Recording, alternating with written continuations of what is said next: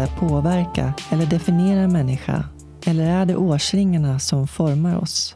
Hur påverkar miljöer och människor oss? Hur påverkas våra vägval av våra förutsättningar? Jag heter Jasmine Nilsson. I soluret möter jag människor från alla samhällsskikt och med varje livshistoria belyses olika ämnen. Välkommen till avsnitt 88. Soluret görs i samarbete med det internationella hjälpmedelsföretaget Invacare och rullarnas personliga assistans. Idag får ni möta Mikael Andersson. Mikael levde för idrotten och friluftslivet. Han och hans partner Sigrid var nästan klara med husdrömsprojektet när olyckan var framme och omkullkastade livet. Han dök från en klippa, slog huvudet i en sten och bröt nacken. Idag, två och ett halvt år senare, kämpar Mikael med att återerövra livet, både mentalt och fysiskt. Här kommer Mikael. Då kör vi, Micke. Ja. Välkommen till soluret. Tack så hemskt mycket. För ovanlighetens skull så är vi inte i min studio utan jag är hemma hos dig i ditt fina hus här i Saltsjöbo. Just det. Ja, ni är välkomna hit också såklart. Ja. Vi är jättenöjda och, och glada för att bo här. Det är som uppe på en kulle, ett berg kanske man kan säga. Eh, med mycket grönska runt omkring och fönster från golv till tak. Och, och som jag älskar, betongväggar. Just det. Ja, nej, men det är ju superfint. Och, ja, jag har förstått att tanken har varit liksom att huset ska växa upp i berget och att det ska vara väldigt nära trädkronor och sådär så att man bor liksom i naturen lite grann. Och att huset ska följa berget och att det inte ska sprängas ur och byggas in och, ut, och, och ner i berget. Liksom. Mm. Så eh, nej, det är verkligen superfint. Mm. Vi ska säga också att det kommer höras lite ljud i bakgrunden här. Just det. Ja, vi har fortfarande ett barn kvar hemma som är ganska nytt, tio månader gammal. Sen är det två stycken som är i skolan. Vad jobbar du med? Jag har ju varit i byggbranschen i snart 20 år. Och eh, till att börja med var jag hantverkare, höll på med betong och, och sånt där. Sen hade jag ett byggföretag. Eh, och sedan fortsatte jag sen som byggkonsult i byggbranschen. Och eh, det fanns ju en oro naturligtvis att eh, inte byggbranschen skulle kunna ta tillbaka en person i, i, i rullstol och, och, med mitt handikapp och sådär. Det är en konservativ, traditionell bransch liksom sådär. Men, eh, nej, men jag började på lite grann och, och jobba och märkte att eh, det finns ju fortfarande behov av eh, ja, min kompetens och mina egenskaper. Så jag har kunnat fortsätta som eh, byggprojektledare då. Sen får man ju då hamna lite längre ifrån produktionen men jag upplever att det som vi är svaga på i byggbranschen det är ju kommunikation och vara bra på att lyssna till behov. Jag tror att jag eh, har de egenskaperna som behöver adderas i det sammanhanget. Liksom. Var kommer du ifrån, Micke? Ja, jag kommer från Sala från början, Silverstaden. Ja, det är där jag är uppvuxen till uh, ungefär 25-årsåldern innan jag flyttade därifrån. Uh, så det är väl där jag har bott mesta delen av min, mitt liv och hela min uppväxt. Jag är uppvuxen i en väldigt så här, stark och härlig kärnfamilj med, eh, ja, med mamma och pappa och en stora syster. Då morsan som en koordinator, som en modern chef kan man nästan säga. Och farsan som är en galjonsfigur. Liksom. Och vi, jag och syrran, vi, vi liksom glider med i, i suget och bara Ja, men vi har haft en väldigt skön och bra resa genom ungdomen och uppväxten, eh, får man inte säga. Härligt. Mm.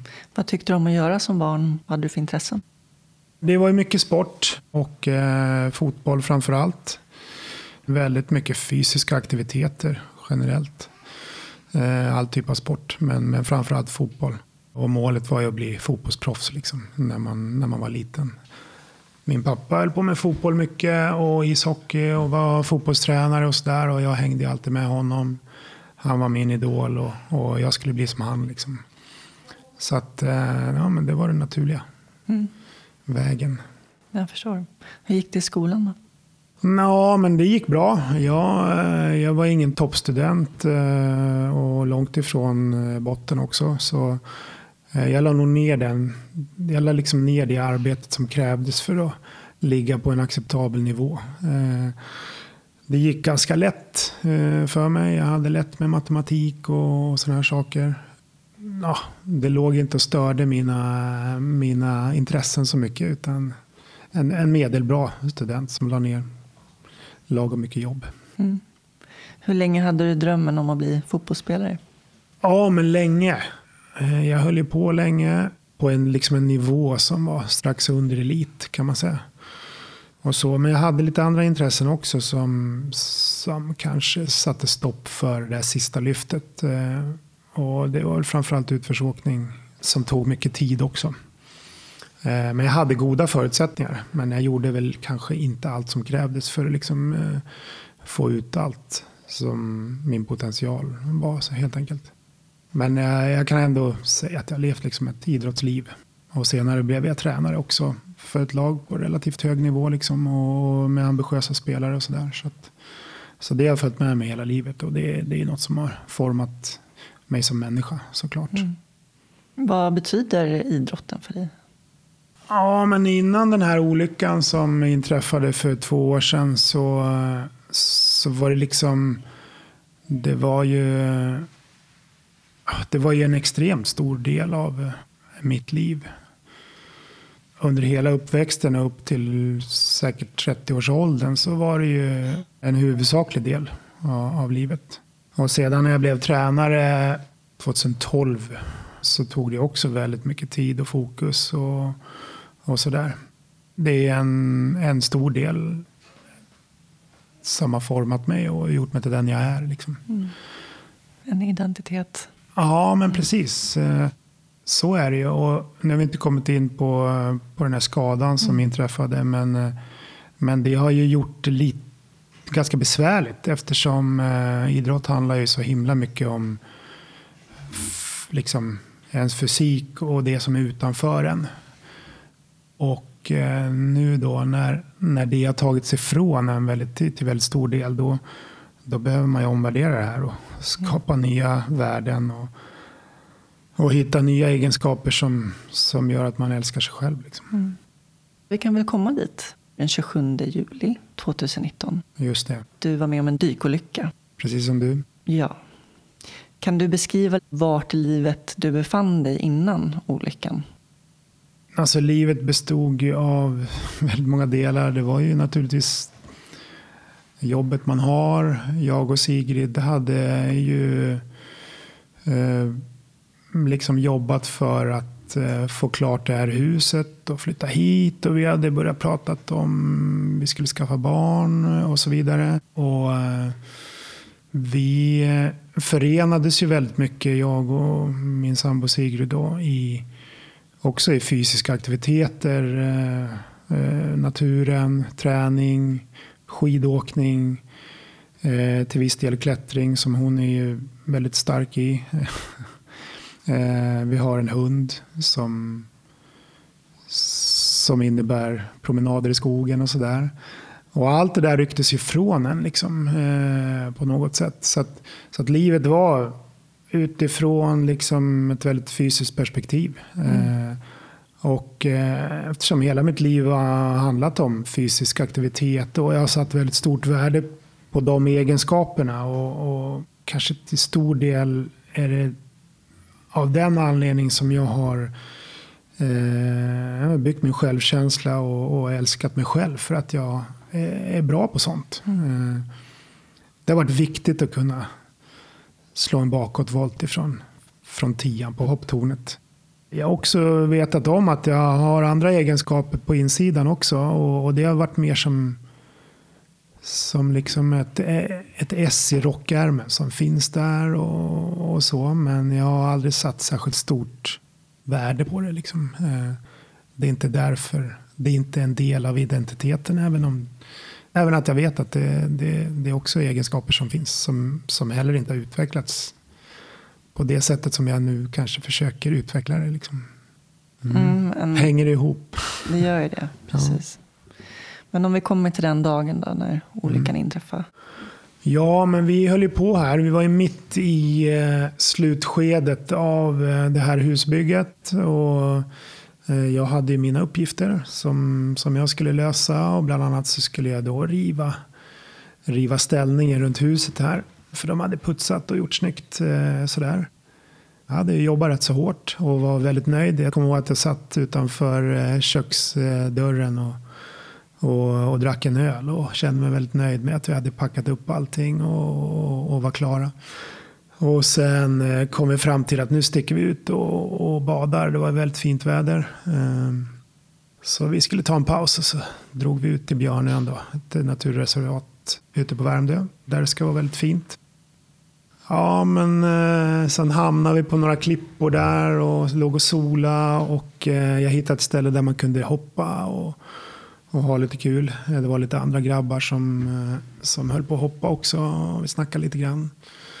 Eh, sedan skulle vi dyka i och bada lite tillsammans jag och Sigrid och då, och då kom jag ihåg att vi klättrade ner en bit efter klippväggen Eh, Sigrid klättrade ner lite längre än mig och hoppade i och jag tyckte att nej, men nu, nu dyker jag i härifrån.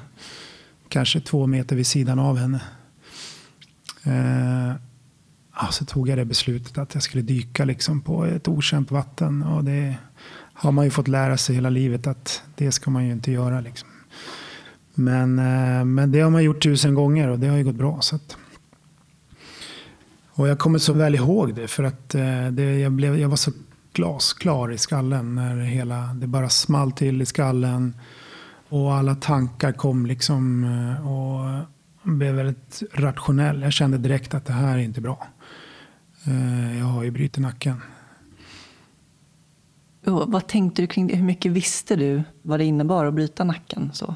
Nej, men jag visste väl lite grann. Fast eh, det här med ryggmärgsskada och, och vad det vad det skulle kunna innebära, det förstod jag nog inte. Jag har liksom aldrig relaterat till eh, människor i rullstol och vad, det kan ha, eh, vad som kan ha hänt eller vad det kan bero på. och sådär. Utan eh, jag har hållit på med utförsåkning och jag har brutit ryggen tidigare. Och jag har brutit det, både det ena och det andra skadat mig ganska allvarligt. Men, men just det här med förlamning och sådär, det det visste jag att det fanns och jag visste också att, eh, att det kan ske i samband med att, ja, ryggskador och nackskador såklart. Men, men mer än så kan jag inte påstå att jag hade koll på. Eh, men däremot så ni gjorde ju alla rätt. Ja, men precis. Jag blev extremt fokuserad på vad som skulle hända. Och, eh, och jag sjunker ner. Kände att jag hade ingen power i kroppen alls. Men jag visste ju att jag kommer ju flytta upp en gång. Jag hade luft i lungorna. Så jag kom upp till ytan och skulle ropa och det man eh, då kanske inte förstår det är att eh, det går ju så man blir så förlamad. Och, och när liksom muskulaturen i mage och, och sådär inte fungerar då har man ju liksom ingen kraft i rösten eller i lungorna heller. Så, att, så jag fick ju inte ut liksom ett, ett rop på hjälp utan mm. det, det, var ju bara väldigt vekt. Och sen sjönk jag igen. Men jag hann ta ett djupt andetag innan jag sjönk. Och tänkte att jag, jag kommer att komma upp en gång till för jag har luft i lungorna. Så jag slappnade av och väntade på att det skulle komma upp till ytan. Och när jag kände liksom i hårbotten att nu är jag uppe vid ytan. Då, då kämpade jag för att få upp huvudet igen. Och så skrek jag på hjälp. Då, och, då, och då lyckades jag väl göra mig förstådd i alla fall. Eh, så då, och sen sjönk jag igen och då tog det några sekunder. Och sen kom Sigrid och jag kände bara en, en arm runt bröstet. Liksom, som, mm. så, och då kände jag att ja, nu, det, nu är jag räddad. Liksom. Mm. Får jag fråga, armarna, funkade de? Eller? Ja, de funkade men, men väldigt klent. Mm. Så att jag fick upp en hand och la på pannan så att jag skulle kunna stabilisera liksom nacken. Då. Så jag, jag simmade liksom, eh, Sigrid simmade med mig i livräddningsposition då, eller vad man ska säga. Och eh, jag kunde ha en hand på pannan för att liksom hålla huvudet stabilt. Det är ju helt otroligt att du kunde tänka Ja. på det Ja. ens i den situationen. Jag tror att det beror nog mera på ja, att, det, att jag hade så jäkla ont i nacken. Så att det var liksom det mest smärtstillande jag kunde göra. Eh, Det är att hålla nacken stilla. Eh, och eh, sen efter det, då är det bara blackout. Eh, och det, det blir som liksom en, ett skede där, där jag känner att nu är jag räddad, nu är jag i säkra händer. Då slocknar det. Innan det så är jag, nej men jag är så glasklar i varenda liten detalj och skeende och, och aktion. Det är helt otroligt faktiskt. Överlevnadsinstinkten som kickar in. Och, Ja, det måste vara det. Sen har jag ju fått berättat så att jag var ju vaken och jag var vid medvetande och jag berättade allting som har hänt men jag har inget minne av det. Ambulanshelikopterpersonalen då hade ju frågor och de kände och klämde och jag var, jag var där. Fast det finns ingen som helst minne av det. Sen är det bara ett töcken i två veckors tid. Där eh, jag i perioder på tio dagar ungefär är helt nedsövd. Eh, de försöker väcka mig och då, då kommer det liksom lite fragment av människor eller, eller skeenden. Eh, men det kan lika väl vara blandat med drömmar. Liksom. För, för det är ju en, en två period av deliriska, helt eh, gränslösa drömmar. Eh, som är helt sjuka. Ja. Eh, och vi har skrivit lite grann om det. ja, precis. Ni startade en blogg där, eller Sigrid gjorde det först och Ja. främst. Just det. Man kunde följa er resa. Just det. Nej, men det, och det var bra. Det var Elin, eh, en eh, nära vän och Sigrid som startade en blogg. Berättade lite grann om vad som hade hänt och om vår eh, rehabilitering. Och det var bra att få skriva av sig lite grann. Den var ganska öppen i sex månader men sen har det blivit ganska dåligt med, med text efter det. Nu har vi tagit bort den. Men ibland läser jag de där texterna och det är ju nej, men en del är ganska fina texter, ganska tunga texter. Och, och framkallar ju en hel del känslor såklart. Mm. Ja, jag förstår det. Initialt så kommer du till Västerås, visst är det så? Sjukhus? Ja, men precis. Jag skulle ju flytta från Sala då och hit så småningom. Det var inte tänkt riktigt än. Vi hade ju familj, barnen kvar i Sala och så. Och ett hus där som skulle så småningom säljas och, och så vidare. Så att jag tillhörde ju Västmanlands landsting då.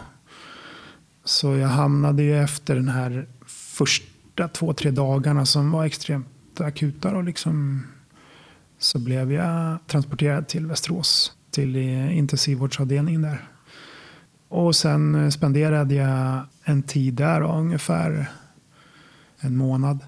Jag blev flugen till eh, KS först och där opererade de mig eh, i en ganska allvarlig operation då. Precis, berätta vilka koter som Ja, egentligen så är det ju frakturer egentligen ända från första den här atlaskotan och hela vägen ner, ganska långt ner i bröstryggen. Eh, och eh, nacken var ju riktigt illa däran. Jag hade ju turen att inte få själva ryggmärgsskadan då eh, högre än det blev. Så att säga. Första kotan var ju bara smulor. Det var en lång operation på 15 timmar. Jag frågade han, eh, kirurgen sen, för jag fick ett återbesök med honom där han skulle liksom stämma av och intervjua mig hur det var och hur hade det upplevts och sådär. Jag frågade honom hur, hur är det möjligt att stå att- och operera någon i 15 timmar. Liksom. Men det var lite roligt han sa det. Men det är ungefär som, som att vara såna e-sportare. Man går in i, i liksom ett spelmode och sen försvinner man in i det och sen går bara tiden. Och tid och rum försvinner. Och man orkar operera kanske 6-7 timmar. Sen får man ta en liten paus och i ditt fall så behövde de ju vända på dig och sådär. Och det tog en halvtimme, en timme. Och sen börjar man om och sen har man 6-7 timmar till fönster att jobba på. Liksom. Och, så att han beskrev det lite grann som ett tv-spel. Och, ja, men det är en lite intressant eh, reflektion. Liksom, Ja, men verkligen. Så jag är stelopererad i fem av sju nivåer eh, i nacken. Och, ja, och sen var det en del justeringar längre ner i ryggen också. Så min ryggmärgsskada hamnar ju då i, eh, mellan eh, den sista nackkotan och den första bröstkotan. Då. Och, så det är väl det bästa stället om man ska ha en ryggmärgsskada på nacknivå. Liksom. Ja, och en inkomplett skada. Just det. Det finns ju vissa genomslag som man eh, hoppas ska kunna utvecklas till att funka ännu bättre. Då. Så jag tränar ju väldigt mycket saker under min skadenivå för att försöka få igång saker och ting. Och det händer saker hela tiden för mig och, och, och så är det ju för de inkomplett skadade. Det är lite av en förbannelse det där att man, man kan liksom aldrig riktigt ge upp för då, då har man inte gett sig själv chansen. Men man kan heller aldrig liksom acceptera att här är jag. Men, men eh, jag är ju glad att jag får chansen att utveckla och kanske, ja, jag hoppas att jag ska kunna ta några steg några, en vacker dag. Liksom. Mm. Men jag tänkte hoppa tillbaka lite till när du var på sjukhuset. Du andades genom en respirator i munnen då. Just det. Och sen blev du trackad i halsen för du hade problem då med lungorna. Just det. Nej, men jag, till att börja med så stoppade de ner en slang i, genom munnen och eh, ja, det var ju så det funkar. Det där är ju extremt eh, jobbigt om man är vaken och har en slang genom munnen och ner i halsen. Eh, och till viss del var det därför som de inte klarade av att väcka upp mig. De provade flera gånger och det funkade inte. Det blev bara en enda stor oro. Liksom. Och, och mina kroppsfunktioner och liksom, det påverkades. Så de fick söva ner mig vid tre tillfällen tror jag. Igen. Och liksom tänka om så att säga. Men efter två veckor ungefär då beslutade de sig då för att eh, tracka mig istället. Och då kunde de väcka upp mig. Sen kommer det lite lunginflammationer och sånt där i samband med det där. Som är lätt hänt när man ligger raklång liksom och, och har eh, påverkan på lungorna.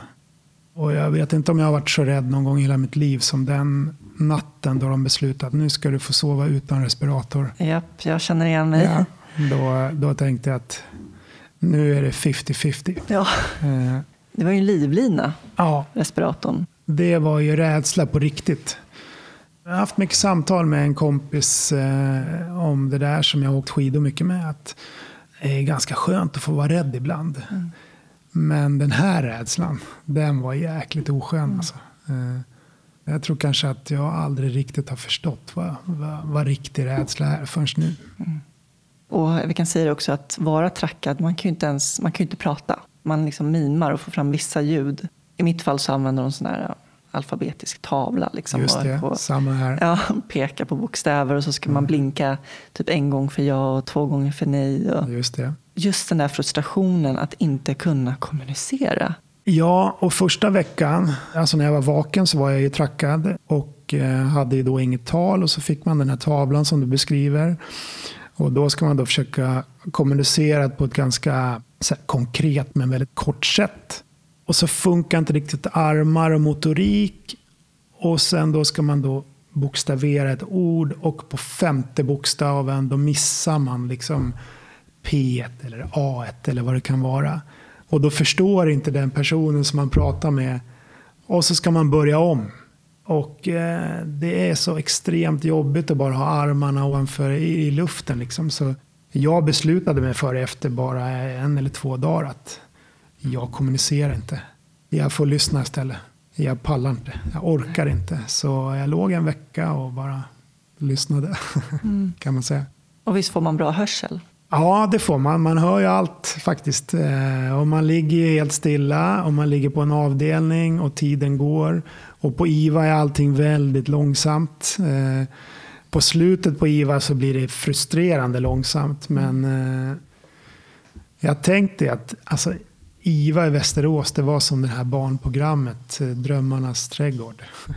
Det var så lugnt, det var så skön atmosfär, det var så vänliga människor. Det var helt underbart eh, ställe att vara på just den perioden. Jag ville nästan inte åka därifrån. För den här bubblan var så fantastisk. Liksom. Och sen är man lite drogad och så drömmer mm. man lite grann. Och sen är det en massa fina människor. Och, ja, där kunde jag ha stannat lite till. Mm. Men, men kroppen bara förtvinar ju också när man är där. Så man behöver komma vidare såklart. Kan du berätta om någon, någon dröm? Ja, men jag hade en ihållande dröm om att jag var ihoplappad av eh, fyra olika personer. Och eh, jag kommer så väl ihåg de här karaktärerna. Jag kommer ihåg eh, deras barndom. Att jag själv hade minnen av deras barndomar. Eh, den ena personen var en finsk ishockeyspelare som hade vunnit VM-guld i hockey. Och eh, den andra personen var en eh, alkoholiserad eh, herre i 55-årsåldern som, som gick med på lite sådana här sjukvårds... Vad ska man säga? Lite tester och, och, och sådär för att ha råd att betala kaffet i kaffemaskinen. Så han hängde där på sjukhuset hela tiden och, och eh, ställde upp på, ja, men på lite tester för att få pengar till kaffet. Och, eh, och jag behövde ju då ett lårben. Så det skulle han då det skulle han bjuda på. Så att han hade råd med kaffet. Jag kommer ihåg hans barndom också, för han hade ju då minnen av sin barndom. Och de blev ju mina minnen. Hur han var uppväxt i ett miljonprogramslägenhet eh, någonstans i Västerås. Eh, att han sparkade fotboll som knatte, hur hans pappa var. Eh. Och den tredje personen då, det var en eh, person som Sigrid hade valt ut. Som hon tyckte hade eh, Eh, de korrekta proportionerna. som hon tyckte det här kommer passa. Han är ganska tjusig som människa. Eh, så, så den här personen behöver vi också. Och sen var det då, den fjärde var ju jag själv. Och de enda minnena som inte fanns, det var mina egna. Så jag hade alla andras minnen, de hade jag ju liksom ärvt i den här, eh, ja, i den här hoplappningen. Men, men mina minnen var borta. Och jag såg ju lite grann ut som Frankenstein då. Så ett kort ben som var ganska hårigt och, och en skuldra som såg lite konstig ut. Och för att liksom få ihop den här kroppen så var jag tvungen att lägga sitt spritbad. Ungefär som de här, de här krukorna med eh, grodor och ja, inte vet jag, som fanns på biologilektionerna. Så då skulle de lägga min kropp då i, i ett sånt spritbad i två veckor. Och det där spritbadet satt ju i taket på intensivvårdsavdelningen och egentligen var det en, en aircondition-anläggning. Men jag fick ju för mig att det var ett spritlag som de pratade då med, med Sigrid om hur ska vi göra. Har du funderat på om vi ska lägga en spritbad? Jo, jo, men eh, det ska vi nog göra. Liksom. Så att det, det är nog den starkaste drömmen som var väldigt ihållande. Känns som att det skulle kunna bli en intressant bok. Ja, precis. Om de här karaktärerna. Ja, absolut. Ja, men jag hade väldigt starka minnen av, av hela deras liv egentligen. Och mm. Hur de såg ut. Och frisyrer och polisonger. Och Otroligt hur hjärnan funkar. Alltså. Ja, verkligen. Det här var ingen otäck dröm, utan det här var bara... Ja, så här var det. Det här var verkligheten och det var bara att åka med. Skulle jag överleva så var det bara att och liksom plocka lite delar här och var. Från lite olika personer som inte hade råd med kaffe. Ja, Varför inte? Ja, jag menar det. Eh, så det första som jag bokstaverade för min syrra eh, som hon förstod egentligen på den här eh, bokstavstavlan, det var vårdskandal? frågetecken. Och hon tittade på mig och tänkte, va? Vad snackar du om? Har det varit en vårdskandal här? Hon bara, alltså, nej, det har det inte. Och sen eh, när jag väl kunde börja prata så fick jag förklara vad jag menade. Eh, för det var ingen som förstod liksom. Det kom en läkare från Japan och hans dotter och eh, lappade ihop mig. Uppe på liksom en liten scen var vi på. Så stoppade de in mig i någon, något paket och sen kröp han in i det där paketet och opererade ihop alla de här delarna i den här, i den här lådan som var steril. Då liksom. Helt sjukt. Ja, ja, men det kanske kan bli en bok någon gång. Ja, det är lite spännande ja. faktiskt. Du är journalist, du kanske kan skriva ja. den åt mig. Ja, men precis. Mm.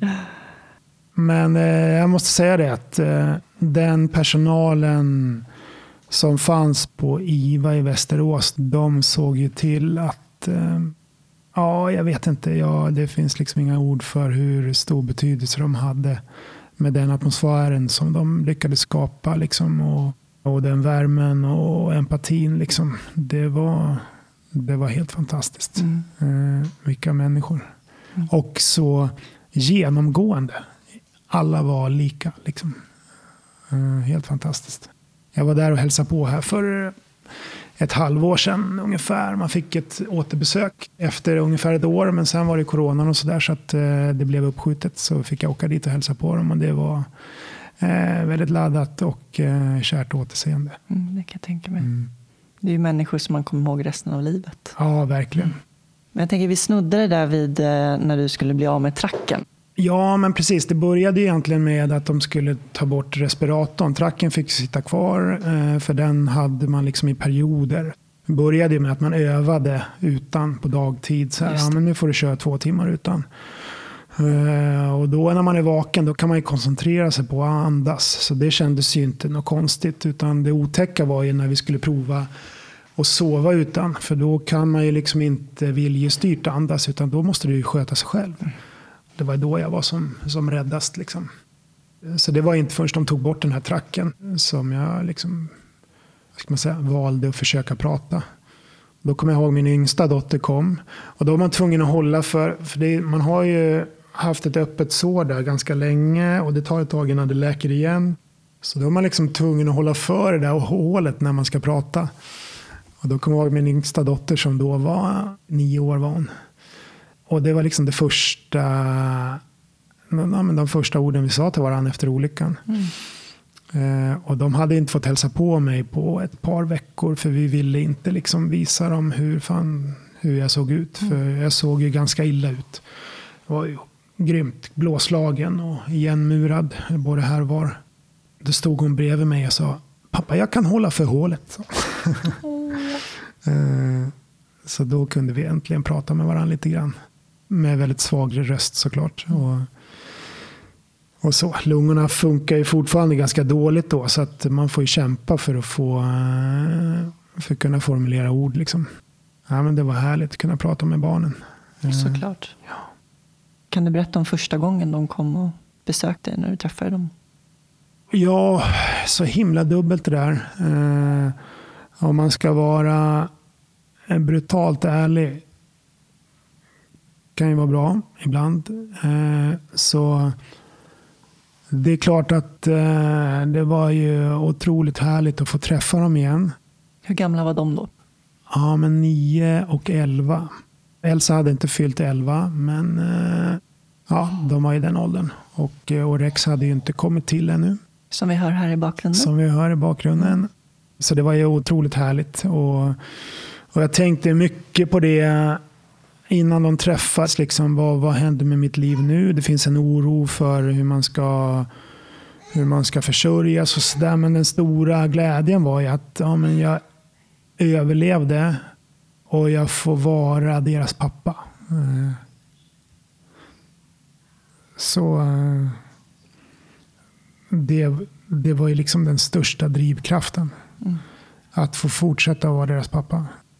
Men man är ju på ett ställe där man är så fokuserad inåt och på sin egen läkning. Så det är svårt också att ta in de här människorna på något sätt.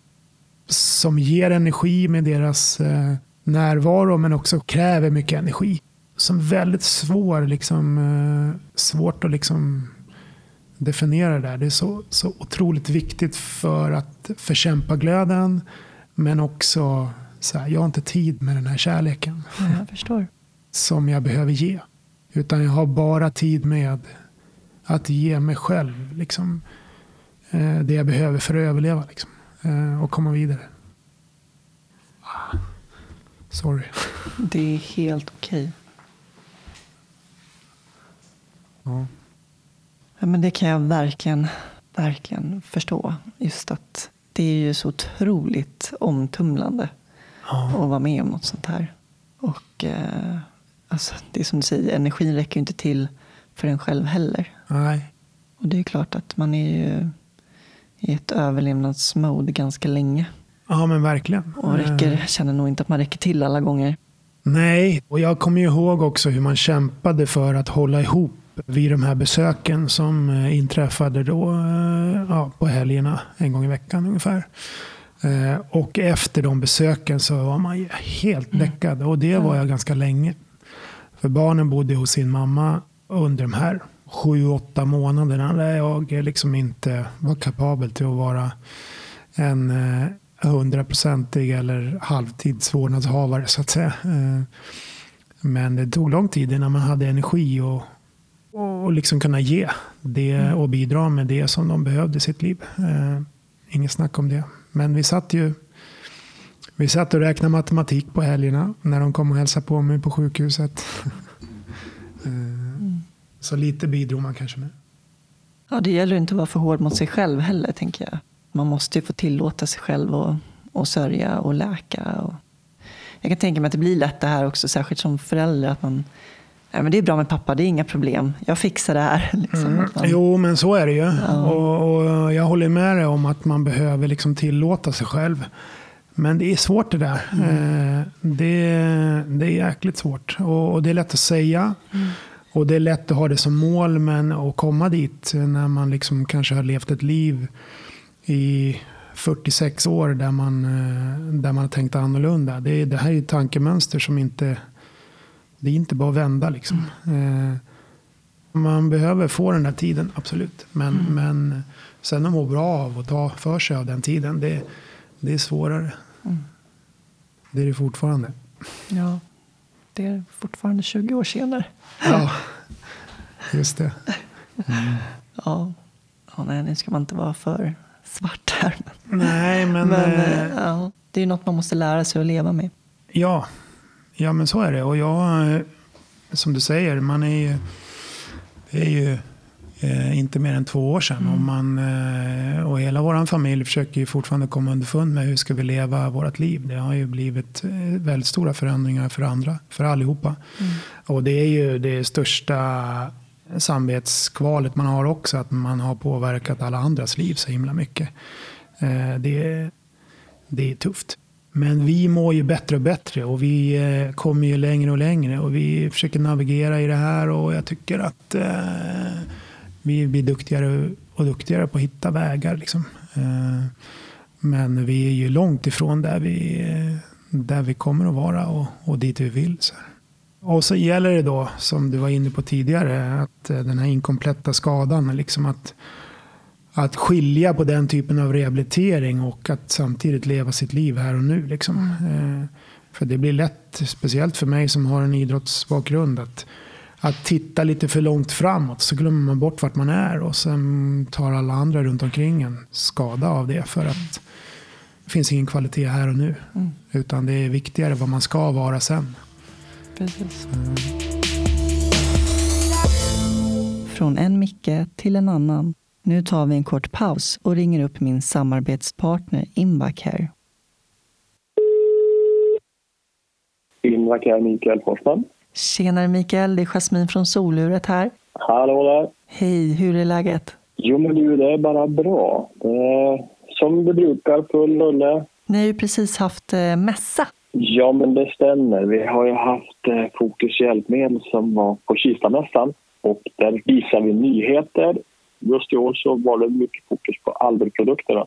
Vi har en nyhet i form av Emotion M25 Duo Drive som är en helt ny produktkategori inom Emotion-familjen. De motoriserade drivhjulen som du känner väl till. Jajamän. Har nu ett litet tillskott i form av en kontrollenhet som gör att man kan driva hjulen med en kontinuerlig drift genom att reglera hastigheten med en kontrollenhet. Så man behöver inte ens aktivera via drivringarna längre. Och det kan ju vara en fördel exempelvis när man är på långa vidsträckta fält till när du är i köpcentrat, när du är på flygplatsen och ska förflytta dig en längre bit. Så kan det ju vara skönt att ha full avlastning på axlar och händer och egentligen bara behöva styra via drivringarna. Så det är en, en nyhet som har varit väldigt uppskattad och även då vårt lilla drivaggregat Smooth som bygger på samma principer med den här kontinuerliga driften. Och tillsammans med våra nya Kushal 2.0-stolarna så blir det ett väldigt bra paket ihop där man, man har då inställningsmöjligheterna från den manuella rullstolen och påskjutsmotorerna från Albert. Det togs emot väldigt väl av våra kunder ska jag säga. Tack så mycket för info Micke. Tack själv, så får jag fortsätta att lyssna på resterande del av avsnittet också. Det tycker jag. Ha det bra så länge. Tack, hej. Hej då.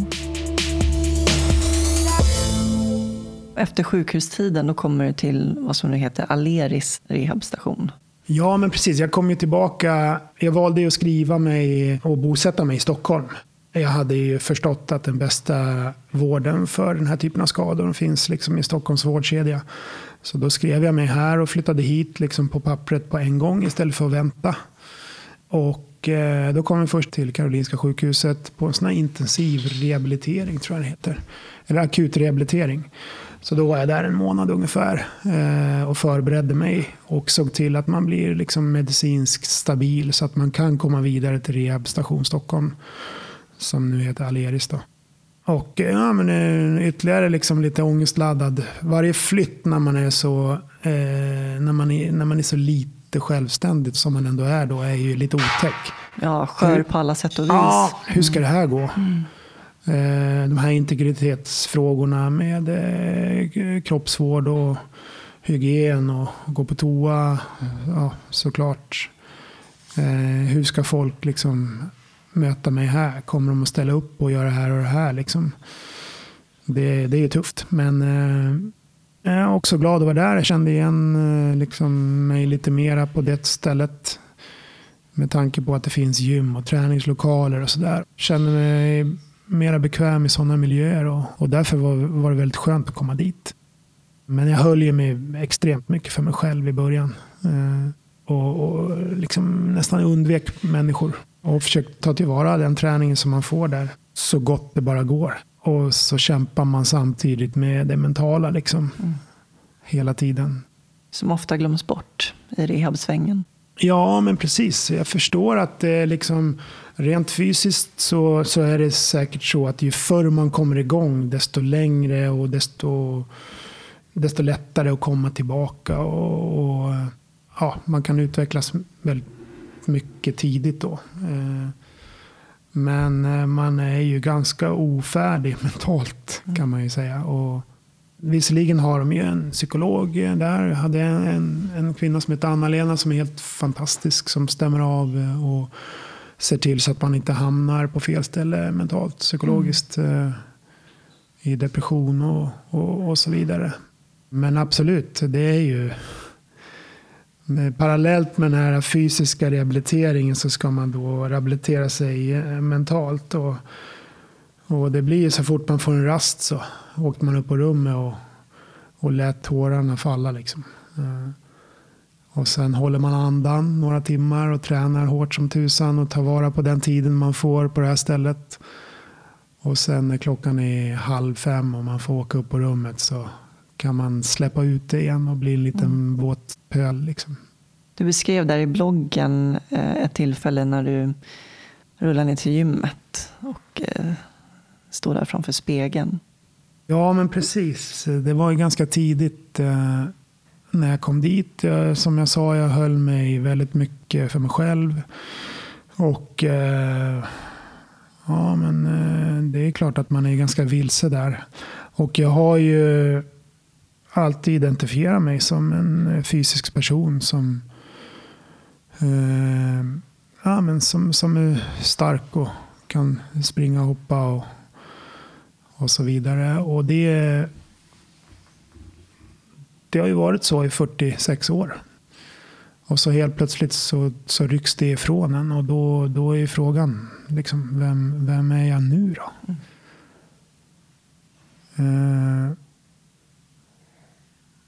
hur ska jag hitta värden som, som innebär att jag kan bli glad och älska mig själv igen. Liksom. Mm det rymmer ju så otroligt mycket i en identitet. Det är ju så många delar. I ditt fall du pappa, idrottaren och mm. sambo. Och allt det här har ju liksom slagits till spillror och så måste man liksom plocka upp Eh, en skärva i taget igen och försöka få ihop det. Ja, det, det är ju så. Och, eh, och jag tror så här, man är ju medveten om eh, alla de här rollerna man har och eh, vart de kommer ifrån. En del från utsidan och en del från insidan.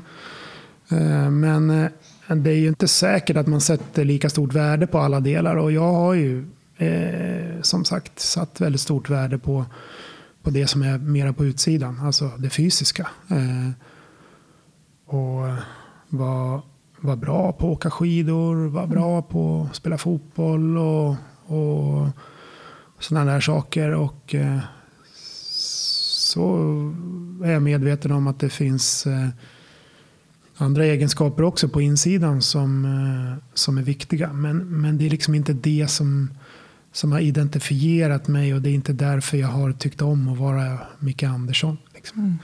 Mm. utan det, det har funnits där och det är ju bra. Och, och nu ska man liksom eh, lite grann bli tvungen att sätta värde på de sakerna som man tidigare inte är van med. Mm. Och, och det är en eh, väldigt intressant resa också. Ibland är jag lite glad för att jag får vara med om den. För ja, Förmodligen är det mycket viktigare egenskaper egentligen. Mm. Så är det. Men det är, det är en svår transaktion. Jag kan verkligen relatera till just den fysiska mm. delen. Mm. Just för att jag dansade ballett och kunde verkligen ha kontroll över varje liten muskel i kroppen. Mm. Och Det var liksom mitt sätt att uttrycka mig på. Så det var bland det jobbigaste för mig, just den här fysiska förändringen. Man fick ett helt annat eh, kroppsspråk framför allt. Personer med liknande skada som jag har ju plötsligt samma kroppsspråk. Mm. Det, det, känns helt plötsligt som att man inte är sin egen person utan mm. man är en av dem där. Det var svårt att acceptera. Ja, men eh, och jag tycker fortfarande det är svårt att acceptera. Och jag kämpar ju jättehårt med för att sitta rakare i ryggen. Eh, för att eh, och liksom räta upp nacken. Och jag försöker och jag kämpar verkligen för att kunna åstadkomma det. Och på många sätt är det bra också. För mm. att fysiskt sett så är det ju inte bra att sitta som en liten ostkrok. Liksom. Så att, eh, det sitter ju kvar. Det kommer ta tid innan det, det försvinner. Om det, om det nu någonsin gör det. Det tror jag kanske inte. Men, eh, men man kanske kan hitta en bättre balans i alla fall i det.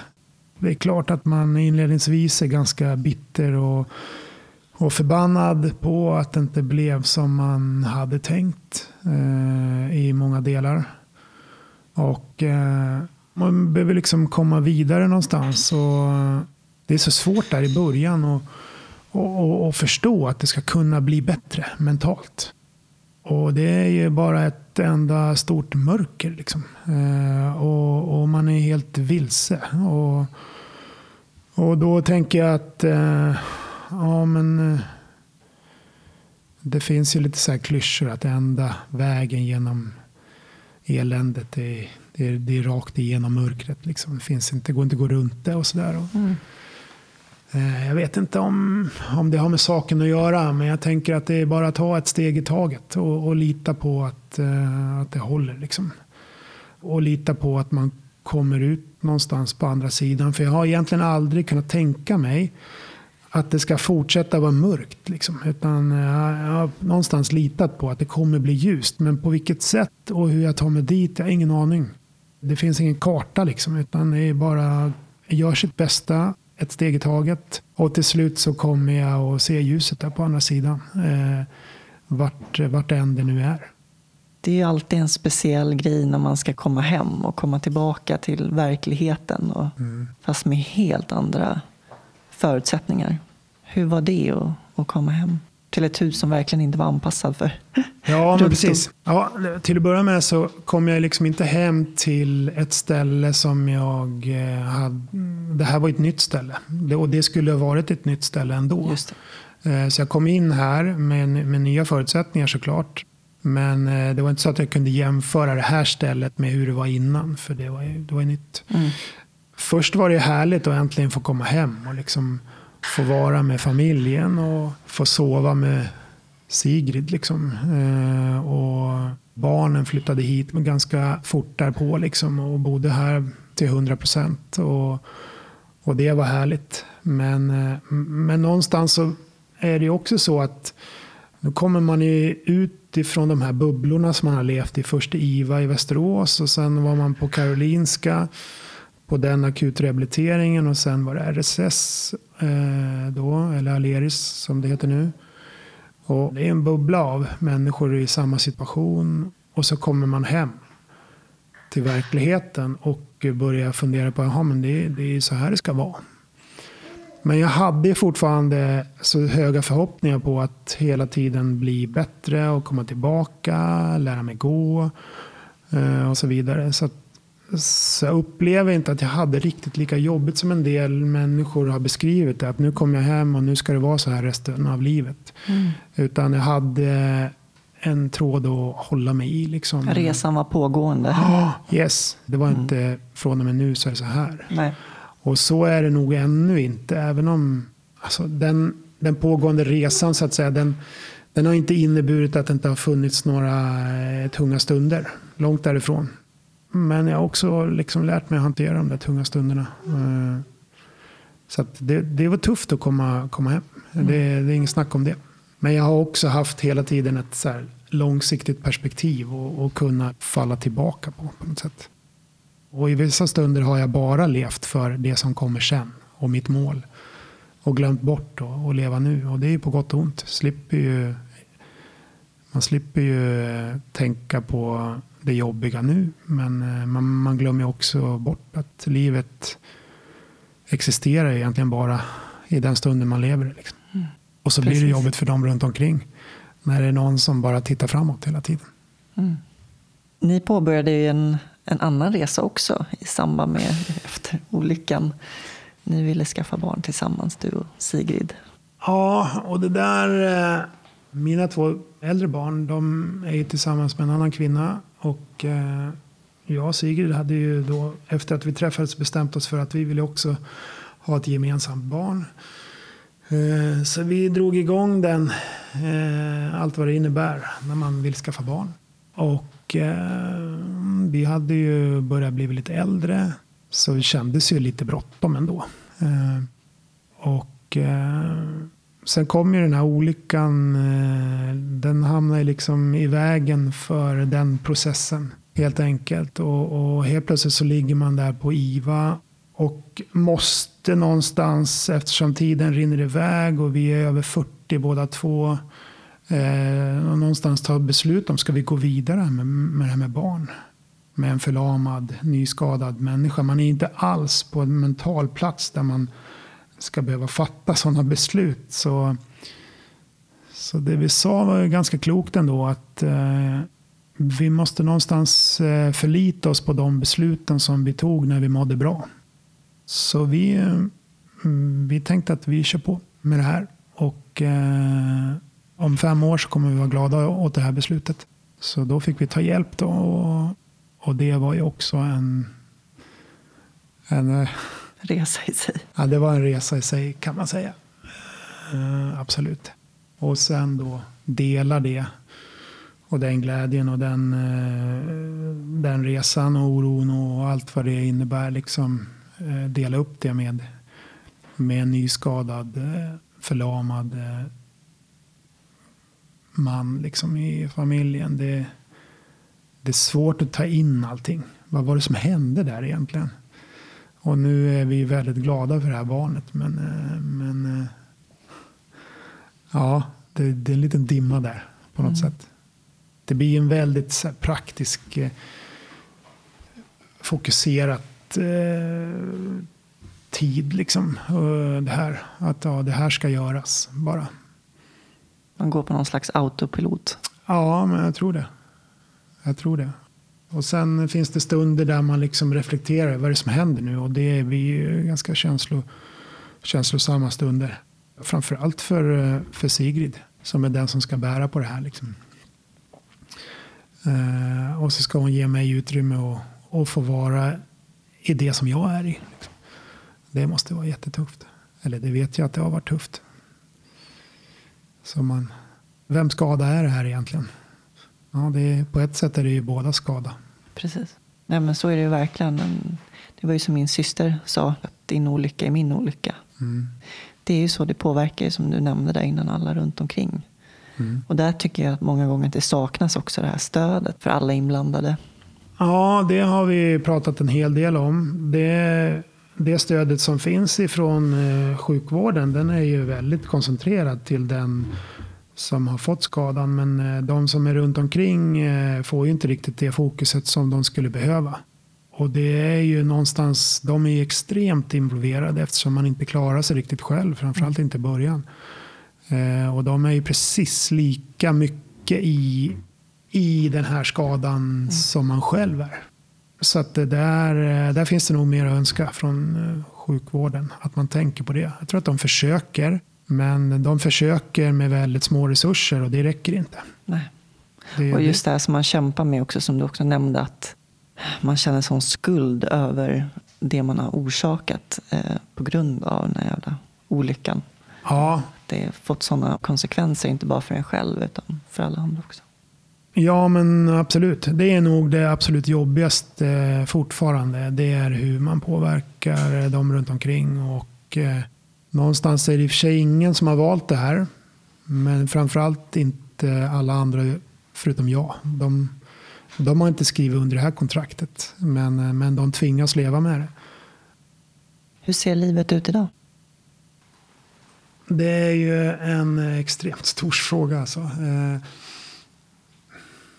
om man ska försöka dela upp det så, så har man ju sin familj, man har sitt arbete, man har, man har sina intressen. Och, eh, och någonstans så försöker jag liksom pussla ihop eh, de här olika delarna. Dels eh, en för sig och dels då liksom få ihop dem tillsammans. Och jag tycker att mitt arbete till exempel, där har jag lyckats komma ganska långt. Jag ser hur jag kan bidra. Ehm, jag får en positiv återkoppling. Det innebär att vi kan försörja oss. Eh, eller jag kan bidra med min del av försörjningen. Sen har man då sina egna intressen som inte får så mycket plats just nu. Och det beror ju på att allting tar ju så himla mycket längre tid. Och, och eftersom man behöver kanske lägga störst fokus på sin familj och pussla ihop det så kommer liksom sina egna intressen eh, lite grann i andra hand. Eh, eller tredje hand blir det då. Så att eh, nu tycker jag nog att det jag lägger mest tid på det är att försöka pussla ihop familjesituationen med eh, barn eh, och med sambo och hur ska vi leva vårt liv tillsammans. Vi har haft ganska stora planer och insett att vi måste nog börja i de små sakerna. Vi kanske inte ska planera för hur ska vi klara av att bestiga Kebnekaise. Utan vi kanske ska börja med hur ska vi bete oss för att ha tid med att käka frukost eh, någonstans tillsammans varannan helg. och sen får man börja där. Så att eh, livet ser väl ut så just nu att eh, det är det som jag försöker eh, hjälpa oss med att komma underfund med helt enkelt. Mm. Så att eh, det är eh, rent praktiskt så är det ju gå upp på morgonen, skicka iväg barnet till skolan, komma överens om hur, eh, hur ska vi hantera den här dagen. Du och jag, Sigrid, tills barnen kommer hem och sen är det läxor och sen är det middag och Ja, det ser väl ut som i de flesta familjerna. Och sedan eh, försöka få ihop det här och liksom så att det blir hög kvalitet och utrymme för eh, roliga saker, drömmar, resor och kvalitet, kärlek och allt vad det nu innebär. Och sen eh, försöka skapa ett utrymme där man själv, eh, där det finns plats liksom för en själv också. Så, så ser livet ut nu. Mm. Var det någon gång du kände att, eh, att Sigrid skulle gå vidare med sitt liv och ja. att man känner sig otillräcklig liksom och tänker att... Ja, men jag har känt så flera gånger. Eller tänkt så flera gånger. Det första som hände när jag hamnade på sjukan och då var man ju fortfarande ganska omtöcknad. Det var ju att eh, så här, du, du kan gå. Så här, eh, det finns ingenting kvar för dig här. Eh, och, och, jag tror att Det var mer som ett test. Nu får du chansen mm. eh, att gå. Jag ger dig chansen. Eh, går du eller stannar du?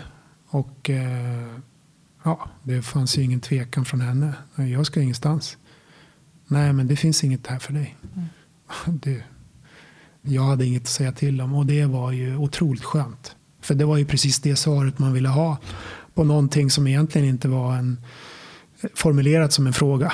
Fast det var ändå så här, om jag gör så här, vad gör du då? Och sen följde ju liksom en, en period där eh, ja, det var ju otroligt härligt. För det var ju naturligtvis eh, en oro. Och ju mer, eh, ju mer osjälvständig man är, desto, desto räddare kanske man är för att liksom förlora det där. Och eh, det innebär ju också en extremt stor så här, jämlikhetsskillnad. Eller vad man ska säga.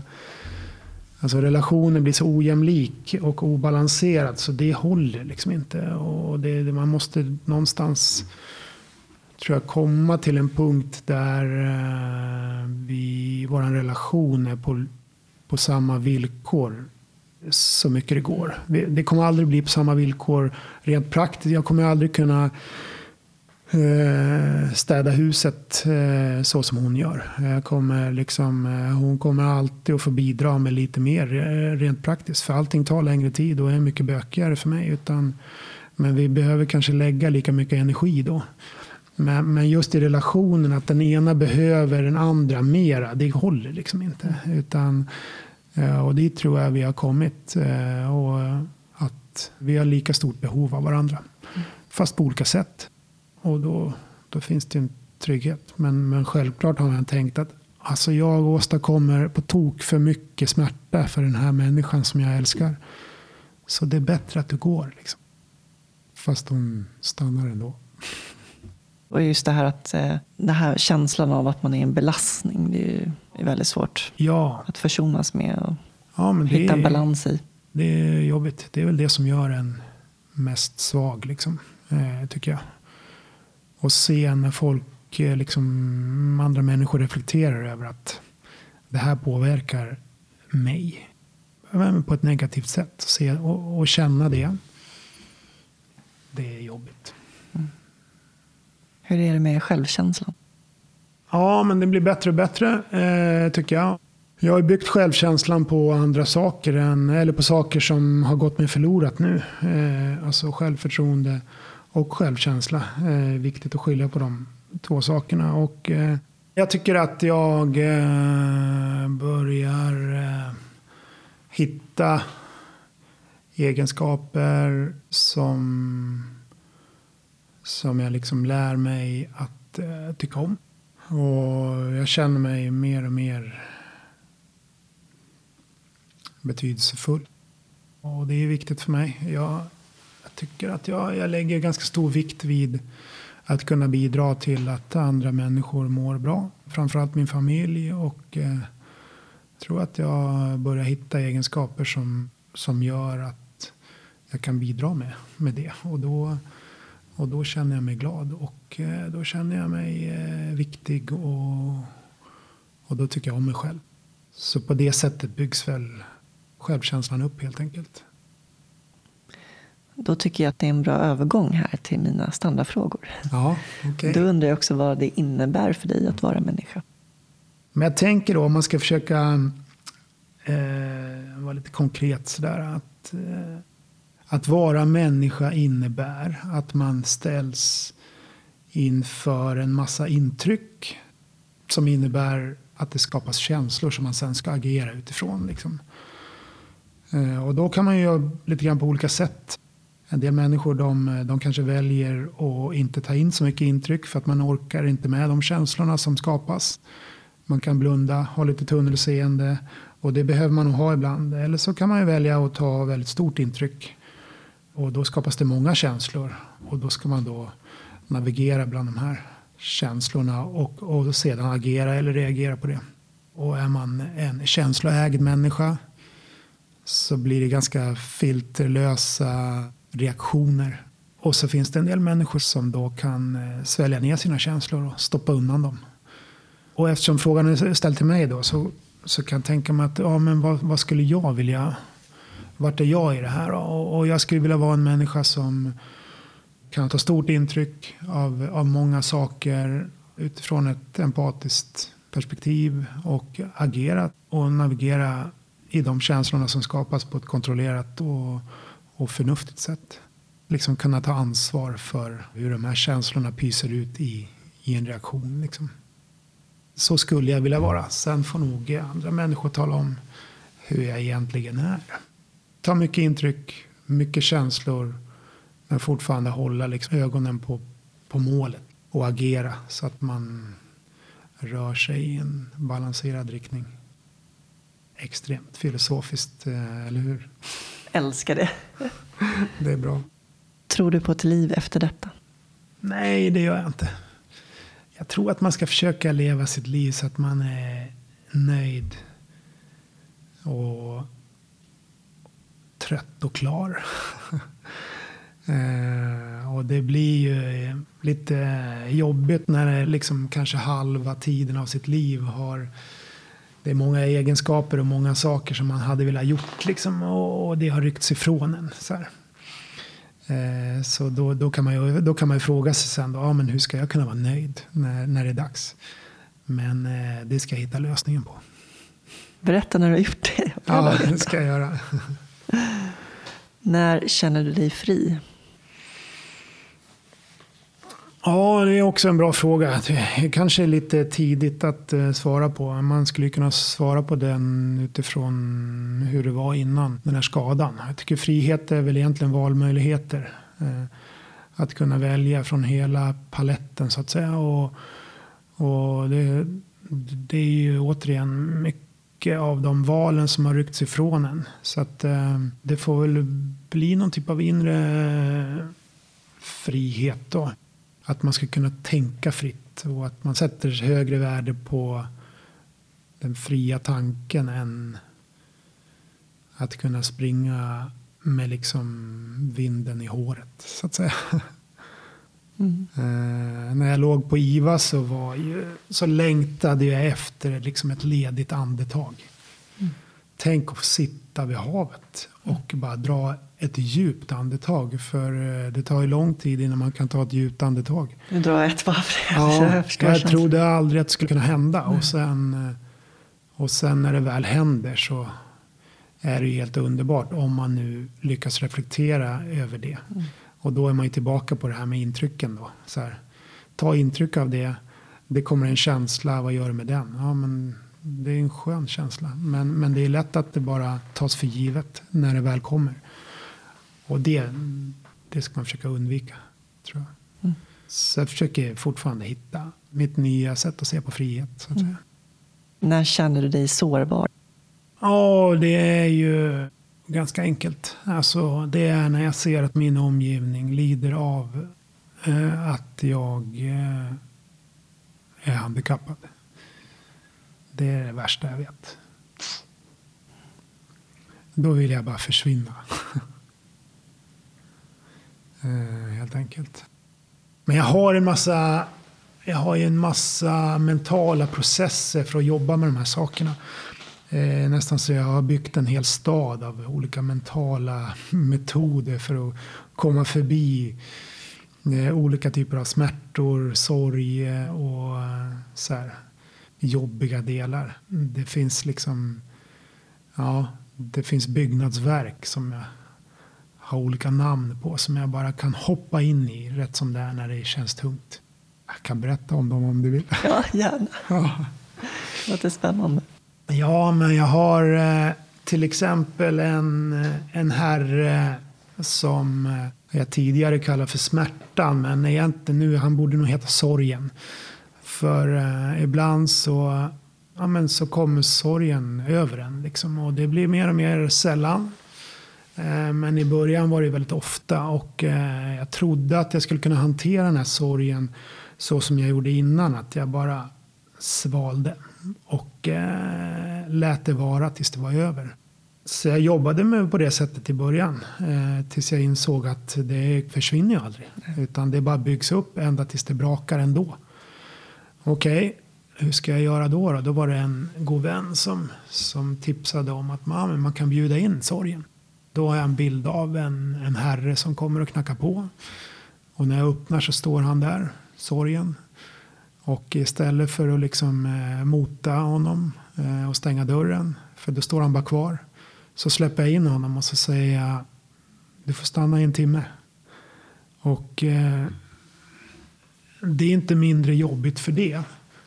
Fast jag vet att om en timme så känns det inte så här jobbigt längre. Och då skapas det liksom en trygghet i att ja, men det är lugnt. Det gör ont som fan. Fast om en timme får du gå. Och efter en timme så det kan vara en halvtimme också. Det, det beror på. Men ofta så går det fortare eftersom jag vet att det här försvinner snart. Och då, då talar jag om att nu är det dags att gå.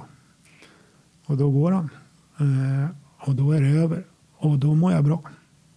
Så det, det är skönt och väldigt användbart. Men det har också gjort att eh, den typen av sorg i stort sett ja, men den, den kommer ganska sällan. Det jobbiga med det, det är att man blir sämre på den mentala eh, processen om man inte använder den, eh, sig av den. Men jag vet fortfarande att okej, okay, nu är det jobbigt. Nu är det sjukt tungt. Nu är det svart. Nu är jag en, en blöt pöl på backen. Men, eh, men jag vet att det går över. Mm. Sen har jag en, också byggt upp en som en tågstation som jag kallar för smärttåget. För det är förenat med en del, del smärtor det här också. Ibland gör det sjukt ont eh, på vissa ställen. Och i början så var det ganska ofta som jag hade brutalt ont i nacken. Då skapade jag mig en bild av en perrong och ett tåg. Jag skulle kunna beskriva den här perrongen med hur den ser ut och snickarglädje på taket och den röda teglet och det den gröna koppar eh, stuprören och allt vad det nu är och, och tåget med en röd stripe på sidan. Där jag liksom, när smärtan kommer, kan kliva på det här tåget. Och, och långsamt rulla iväg från perrongen och smärtan står kvar på, på perrongen. Liksom. Eh, och jag ser hur jag liksom bara åker därifrån. Och det här kan vara när jag får någon typ av behandling som gör ont eller som i början när jag hade sjukgymnastik och hade ont hela tiden och var tvungen att träna fast det gjorde väldigt ont så kunde jag också så försvinna. Kliva på tåget och då kunde jag bara liksom nästan knäppa med fingrarna så var jag där, pang. Nu har jag inte lika mycket smärtor längre och det är också så att det, det tar längre tid för mig. Jag måste koncentrera mig ganska hårt för att komma till den där perrongen. Liksom. Ah, sen har jag garderoben som också är en sån här process med den här molande smärtan som man har i nacken och det har man ju väldigt mycket. Den kan jag bara liksom stänga in i garderoben och glömma. Nu får det vara där och sen kan jag bara hålla ut tills det är dags att gå och lägga mig. Fixa läxor, matlagning, allt som behöver fixas och eh, ja, men det, bara stå ut. Men jag kan stoppa undan den. Och sen har jag min favoritkille som sitter på axeln som heter Gör det ändå.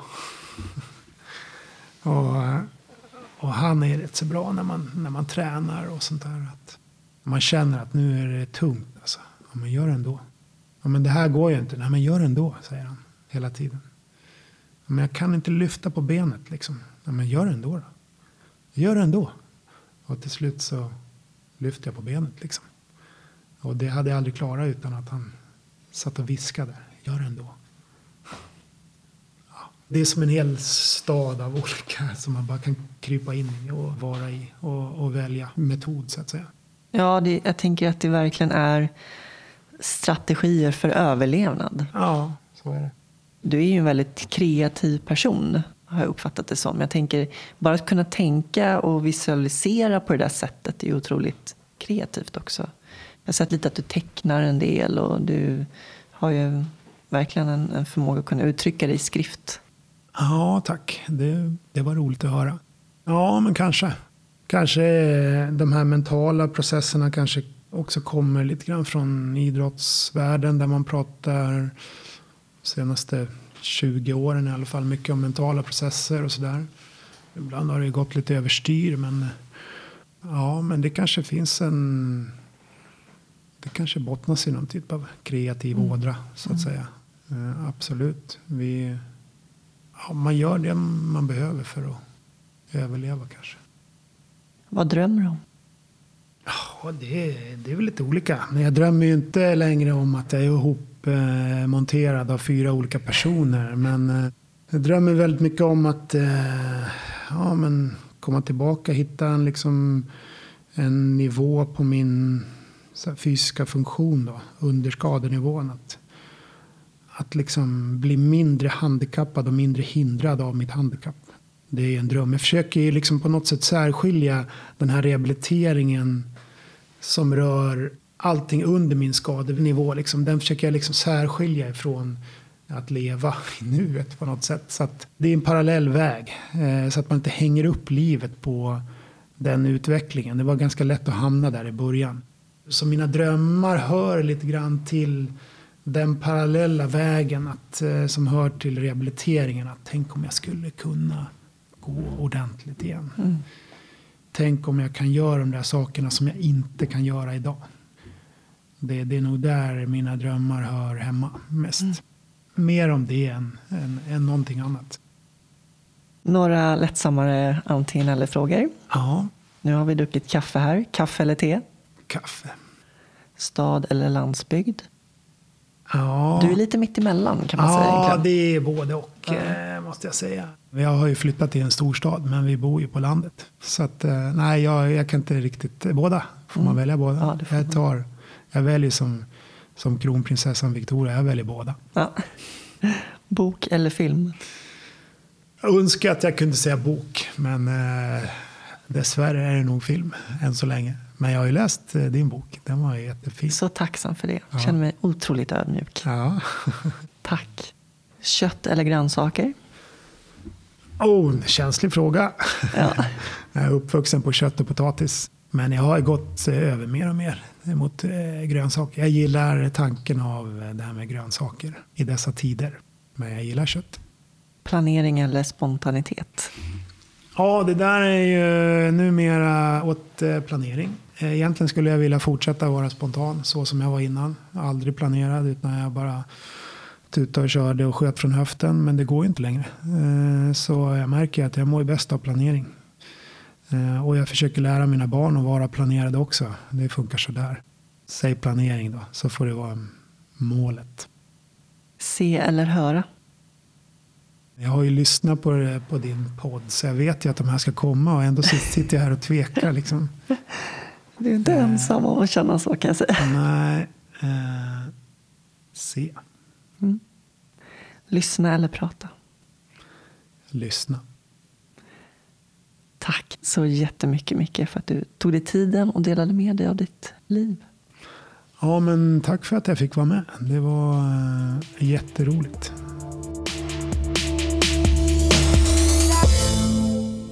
Jag vill läsa upp en kort text för er från Mickes blogg.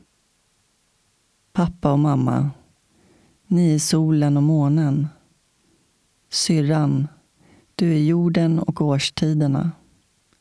Krister, du är Atlasbergen. Era barn är det som växer genom sprickorna i asfalten. Sigrid, du är elden. Du är också Polstjärnan. Elsa och Vera, ni är luften i mina lungor. Tack så här långt, men tro inte att vi är klara ännu. Micke. Tack till min huvudsamarbetspartner Invacare. För mer information om Invacare och deras produkter kan ni gå in på invacare.se. Och tack till min samarbetspartner Rullarnas personliga assistans.